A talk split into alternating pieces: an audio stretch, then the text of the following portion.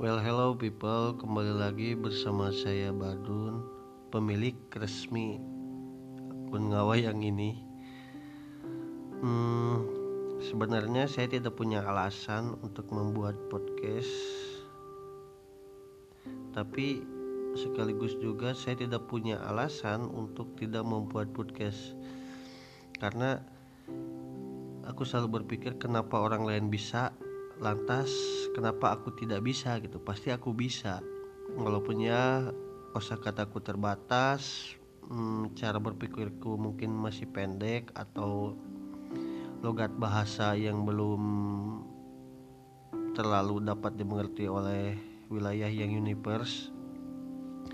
Namun namun pikirku eh di enggak-enggak juga ngomel-ngomel itu penting gibah itu penting karena bagi orang-orang yang sedang melakukan tugas dalam wilayah pekerjaannya semacam misalnya tukang dagang eh, ojek atau lain-lain pasti eh, mempunyai kekurangan ruang untuk ngomel-ngomel Nah saya pikir podcast ini adalah ruang yang pas untuk ngomel-ngomel.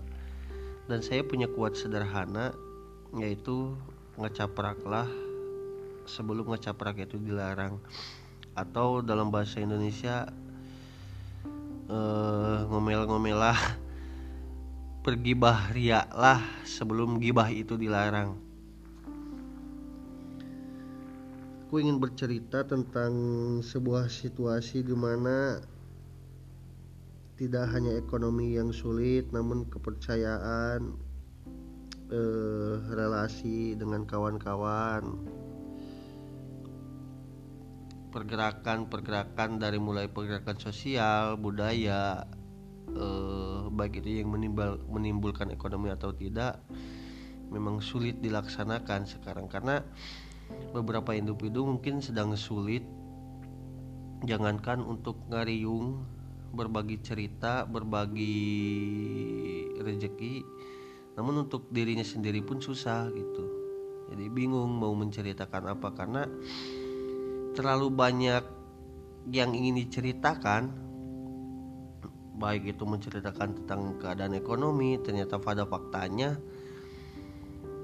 eh, badan usaha milik negara itu tidak benar-benar mampu membantu ekonomi negara supaya ekonomi itu tetap stabil. Justru hari ini eh, BUMN kalah telak sama UMKM.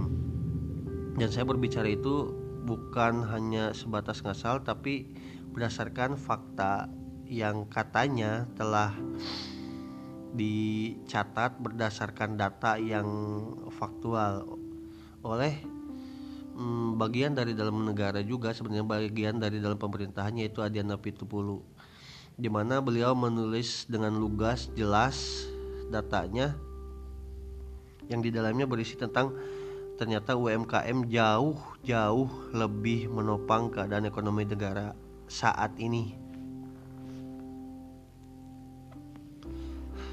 kucuran dana triliunan ratusan triliunan yang dikucurkan oleh negara kepada beberapa BUMN dari mulai uh, yang sahamnya hampir sepenuhnya milik negara atau setengan itu mengalami kebangkrutan. Bahkan PT Garuda saja yang katanya tidak akan memecat asalkan eh, dapat dana stimulun eh data stimulan atau lah entah intinya ada dana talang dari negara. Asal ada dana talang dari negara BUMN yang termasuk BUMN B, perusahaan milik anjing teh. Badan usaha milik negara yang sahamnya ditambah atau dikantor oleh dana baru itu tidak akan melakukan PHK. Tapi faktanya setelah beberapa hari kemudian justru perusaha perusahaan yang didanai negara pun ya didanai stimulan itu mengalami pemecatan yang dirumahkan yang dipotong gajinya itu lebih banyak justru ya kenapa hal tersebut bisa terjadi? Padahal kan secara nih ya badan usaha milik negara itu kan oh, pasti yang ahli-ahli gitu yang ngurusnya teh gak mungkin orang-orang goblok orang-orang bodoh yang gak sekolah kayak di UMKM kebanyakan. UMKM kan beradalkan pada jasa kadang jasa tenaga. Jarang pegawai yang di UMKM kayak misalnya di resto-resto punya keinginan untuk merubah mengembangkan tatanan perusahaan sampai sedemikian rupa karena mereka bermodalkan ilmu ekonomi yang cukup itu kayak orang-orang yang di BUMN jarang banget gitu. Dan mungkin prinsip hari ini lah speak skip dulu. Jadi semakin kita mengetahui keadaan BUMN dan UMKM semakin kita membenci uh, keadaan. Karena tuh ujung-ujungnya kita yang survive gitu. Pribadi-pribadi aja yang survive. Orang-orang kecil tetap survive mau itu keadaan ekonomi sedang baik-baiknya. Sedang keadaan baik-baiknya keuntungan tidak terlalu banyak. Apalagi sedang susah gitu. Jadi cukup cukup untuk diri pribadi aja. Nah yang kita harus apresiasi hari ini adalah eh, bagaimana para pelaku usaha kecil yang tidak distimulus oleh negara itu justru sedang marak-maraknya kayak semacam usaha-usaha rumahan kayak semacam keripik-keripikan, olahan-olahan rumahan lah yang dikemas sedemikian rupa sedemikian rupa kemudian dipasarkan di wilayah online di tataran online. Terbukti teman-teman saya juga yang udah lulus kemudian bingung kerja mau ngapain karena lulus bertepatan dengan keadaan ekonomi, udah tewi sudahnya online. 4 tahun gitu kan kuliah ya tujuannya kan wisuda pengen pengen euforia pengen undang pacar pengen bawa keluarga pengen hiburan pengen party-partian pengen ngerayain apa yang dihasilkan selama empat tahun. Eh wisudanya online.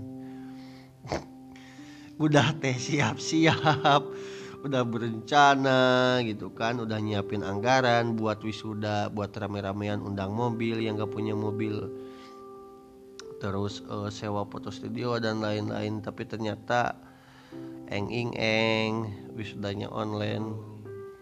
Zong. No gak mungkin kan mahasiswa eh, empat uh, tahun itu cuman main-main aja. Pasti penuh perjuangan dong dan mereka pengen wisudanya dirayain. Tapi ya sudahlah. Mungkin itu takdir Tuhan karena eh, ya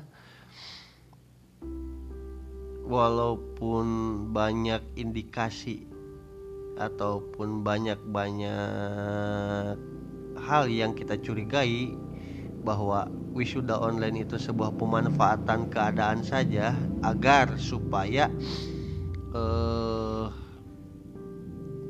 laba lebih banyak mungkin ya skip dulu lah. Karena kasihan juga ngomongin mereka yang wisudanya online. Uh, yang perlu ap kita apresiasi juga tentang beberapa orang baik itu secara pribadi ataupun secara kelompok yang tetap bertahan terus survive untuk uh, dapat mempertahankan ekonomi. Memang rezeki sudah ada yang ngatur namun eh, dalam beberapa keterangan juga rezeki itu harus di, di dijemput. Jadi tanpa usaha eh, ya mungkin nothing walaupun sering ada anggapan bahwa lah sabodo teing bodoh amat gitu kan. Banyak juga orang males tuh yang tetap bisa makan tetap bisa ketawa-ketawa Uh, paradigma tersebut justru menurutku itu menjerumuskan ke dalam kursi malas yang sangat benar-benar malas gitu.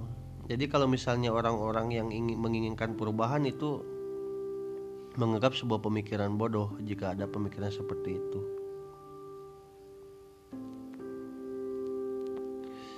Jadi untuk apa kaki normal tangan normal mata normal kuping normal pikiran normal kalau misalnya kita tidak mempunyai mimpi minimalnya mensejahterakan diri sendiri. Syukur-syukur bisa mensejahterakan keluarga. Syukur-syukur juga bisa membantu membangun ekonomi baik itu wilayah kampung RT RW desa eh, kecamatan kabupaten eh, provinsi hingga negara. Namun yang perlu kita sadari bahwa perubahan tersebut tidak dapat terjadi jika misalnya kita hanya bermodal ingin, mimpi.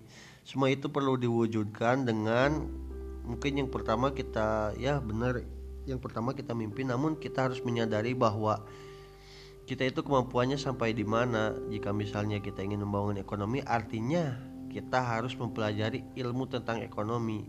Jika kita ingin memperbaiki situasi politik, artinya kita juga harus terjun dan mempunyai ilmu atau landasan-landasan politik.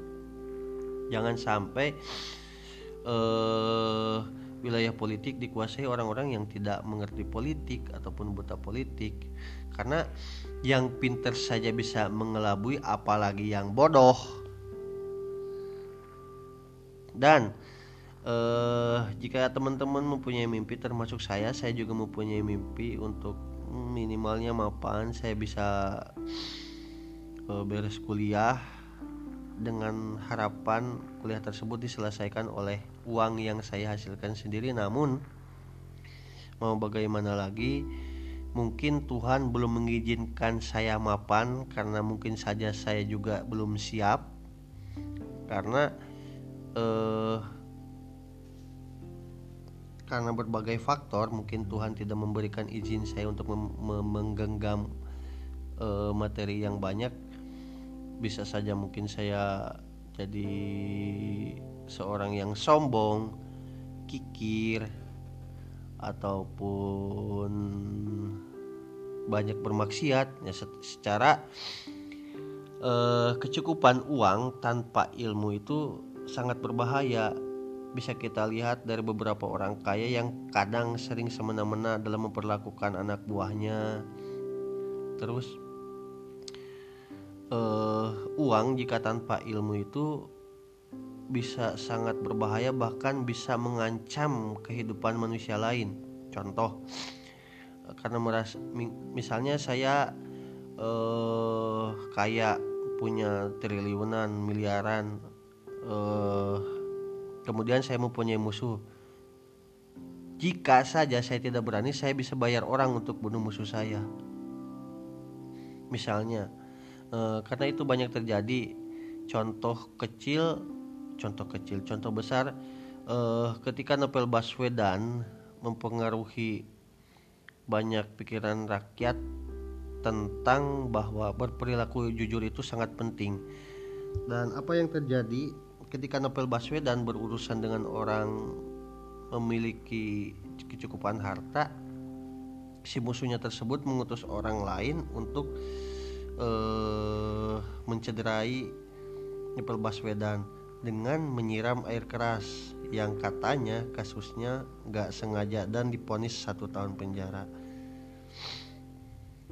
Gak mungkin apa ya gak mungkin banget gitu kalau nggak sengaja secara uh, kejadiannya itu terjadi setelah sholat subuh. Masa iya sih ngeprank sengaja banget bangun sedini subuh gitu terus beli air keras sengaja nungguin Novel Baswedan keluar dari masjid kemudian keluar dari masjid disiram air keras ke mukanya terus dia bilang gak sengaja. Maksudnya prank atau apa itu dan setelah itu uh, Novel Baswedan alhamdulillah tapi bisa selamat. Namun uh, beliau kehilangan bola matanya dan kabar baiknya uh, matanya juga kini sudah sembuh. Uh, mau kenal ya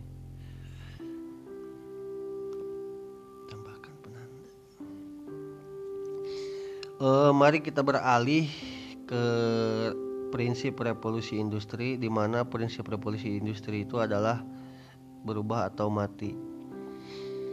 Uh, berdasarkan fakta lapangan di mana hari ini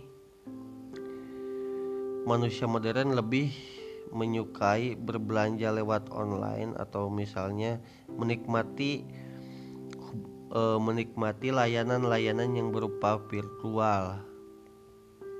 E, lebih banyak orang berselancar di semakin banyak orang berselancar di dunia maya artinya semakin banyak uang yang e, berputar di dunia maya. Makanya hari ini menjumpai ataupun berusaha di di dunia nyata itu amat susah gitu. Berbeda dengan usaha-usaha yang ada di dunia maya. Mereka tetap beraktivitas tetap mendapatkan laba eh, yang cukup gitulah. Berbeda dengan usaha-usaha yang di dunia nyata kayak semacam warung-warung nasi yang belum mendaftarkan restorannya di Grab ataupun di Gojek penurunnya itu cukup menurun. Ditambah lagi dengan kondisi saat ini di mana pembatasan sosial berskala besar ini berdampak pada orang-orang yang lebih betah e, rebahan di rumah gitu. Udah teh kebiasaannya rebahan terus PSBB semakin nikmat rebahan. Makan tinggal pesan ibadah nggak usah keluar udah arahan dari presiden harus ibadah di rumah. Jadi semakin enak aja tuh. Nah Kini aku mempertanyakan tentang tentang peran kaum muda dan lembaga pendidikan dalam menyikapi hal ini. E, cukup mengagetkan ternyata bahwa banyak sekali hari ini kaum muda yang mengeluhkan keadaan minimalnya. Ah ini kacau kacau you